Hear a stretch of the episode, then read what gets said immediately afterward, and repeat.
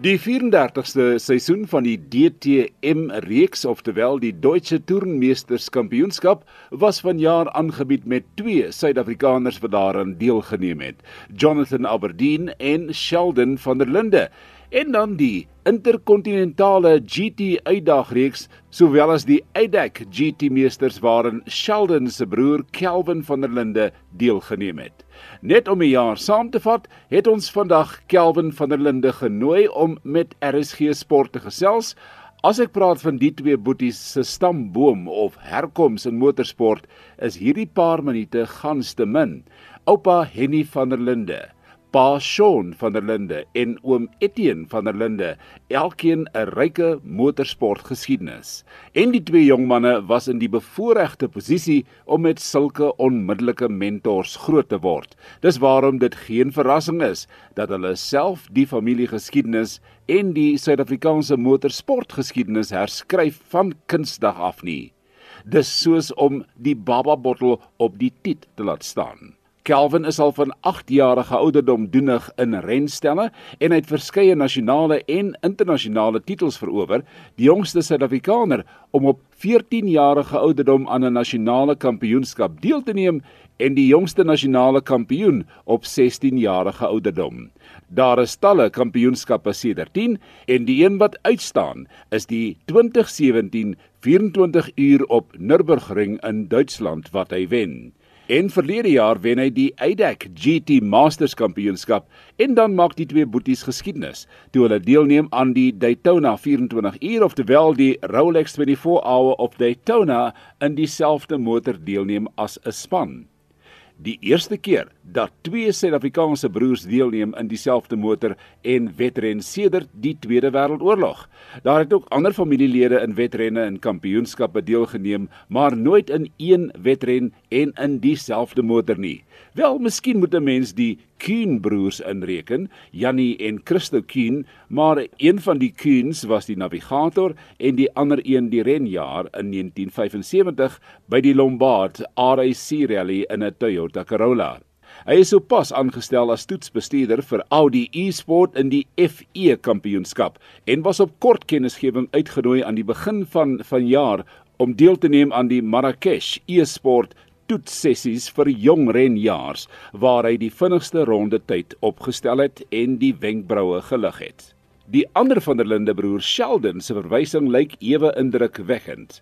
Hy stans renjaer vir BMW span RBM in die Deutsche Tourenwagen Masters en die BMW Motorsport Fabrieksrenjaer. Hy het op 6 jarige ouderdom begin jaag in renstelle en het veelvuldige nasionale kampioenskappe ingepalm voor hy in 2014 na die groot motors oorgeskuif het. En in slegs sy eerste seisoen wen hy die Suid-Afrikaanse Polo Cup kampioenskap gemaklik en die jaar net daarna wen hy die Volkswagen beker van Suid-Afrika. In 2016 tree hy toe tot die internasionale arena in een van die DTM kategorieë, dis die Audi Sport TT beker, waar hy onmiddellik sy stempel afdruk toe hy die eerste twee wedrenne op Hockenheim ring wen, net in sy eerste naweek van deelname. Hy behaal die 4de plek op die kampioenskap van 2016 en skitter in die volgende reekse WeatherTech Sports Car Championship, ADAC GT Masters en beide Blancpain GT reekse. Vanjaar se DTM word gewen deur Duitser René Rast vir die tweede agtereenvolgende jaar. Rast ry vir Audi Sportspan Rosberg. In die tweede plek is die Switser Nico Miller en die derde die oud Formule 1 renjaer en Fransman Robin Freins. Sheldon eindig die reeks in die 6ste plek met mede-Suid-Afrikaner Jonathan Albertine 11de. Ek het Kelvin opgespoor terwyl hy besig is met 'n voorbereiding vir die Kyalami 9 ure interkontinentale uitdagreeks wat verlede naweek op Kyalami plaasgevind het en deur sy boetie Sheldon gewen is.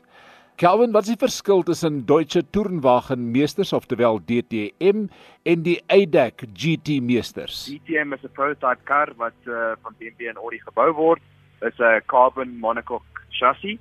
So alles is basies gedevelop net vir daai championship die GT3 karre wat ons hierso ry in Kyalami is basies die shell van 'n Audi R8, van 'n M6, van 'n Mercedes die dieselfde shell as die straatkar.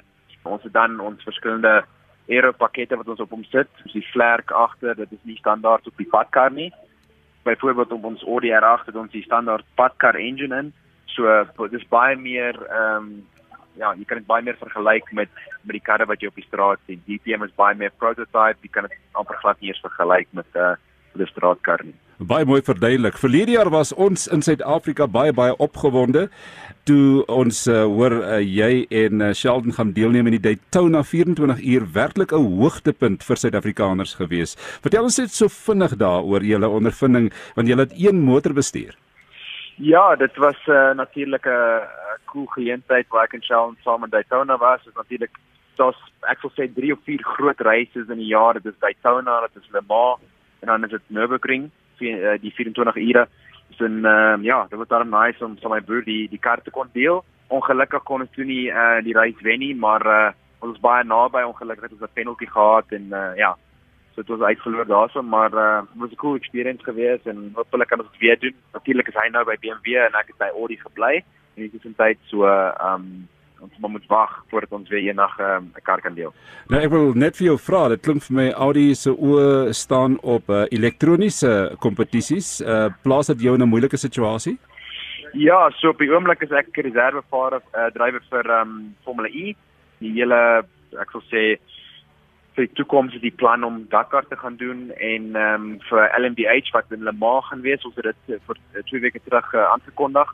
So dit is twee nuwe projekte wat ek baie na uitsien en ek dink is vir die volgende 5 tot 10 jaar is 'n baie baie cool projek en uh ja, Tomas is in die top klas in Le Mans hopelik 'n wen kan kry as 'n Suid-Afrikaner.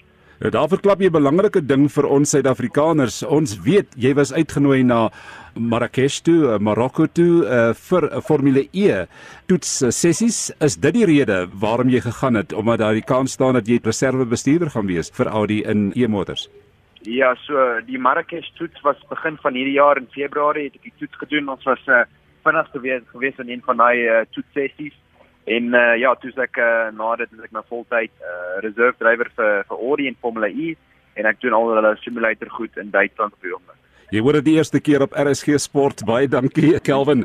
Kelvin, nou, gee vir ons so 'n uh, samevatting van jou ondervinding van die 2020 DTM. Ons het dit dopgehou hier in Suid-Afrika en ons was opgewonde vir jy en uh, Jonathan Aberdeen se deelname daarso. Ja, dit was 'n goeie jaar gewees in DTM. BMW was natuurlik nie op dieselfde level as uh, as Audi gewees het, so dit was altyd belangrik om te weet die beste BMW wees in daai in daai tyd. Ehm um, ek meen einde van die jaar is dit nou dit uh, lank gekon of die DTM na die GT3 uh, regulations toe gaan, so ons gaan volgende jaar nuwe karre hê.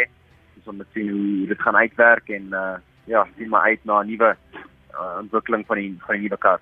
Jy het natuurlik 'n hoogtepunt. Vertel vir ons van daai hoogtepunt.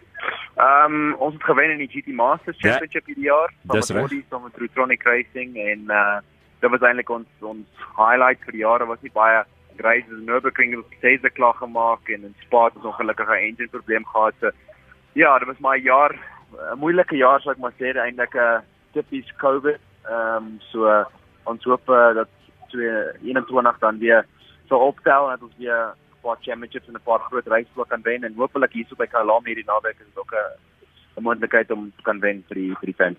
Die laaste vragie is uh, ons het uh, hier die Kyalami 6 ure gehad uithou tydren en die sprake is dat ons uh, by Intercontinental volgende jaar betrokke gaan wees. Het jy enige nuus daaroor in uh, van die binnekringe afgekry? Gaan dit nog voort na COVID? Ja, so ehm um, sover as ek weet is die plan om aan te hou vir volgende jaar die Kyalami ehm um, 9 ure is uh ek dink hulle het 'n 5 jaar kontrak geteken, so is uh die plan is definitief om weer terug te kom volgende jaar en hopelik met met die fans uh, by die baan. Dit sou great wees. Gee ons groete daaroor aan aan Sheldy en en dan ook aan Jonathan Arbedin. Julle moet weet dat julle het groot ondersteuning in Suid-Afrika. Dankie Kelvin. Baie baie dankie. Dankie vir die onderhoud. Dit was dan 'n kort oorsig oor vanjaar se DTM en UDAC GT Masters. Ek is Fritz Klaaste vir RSG Sport.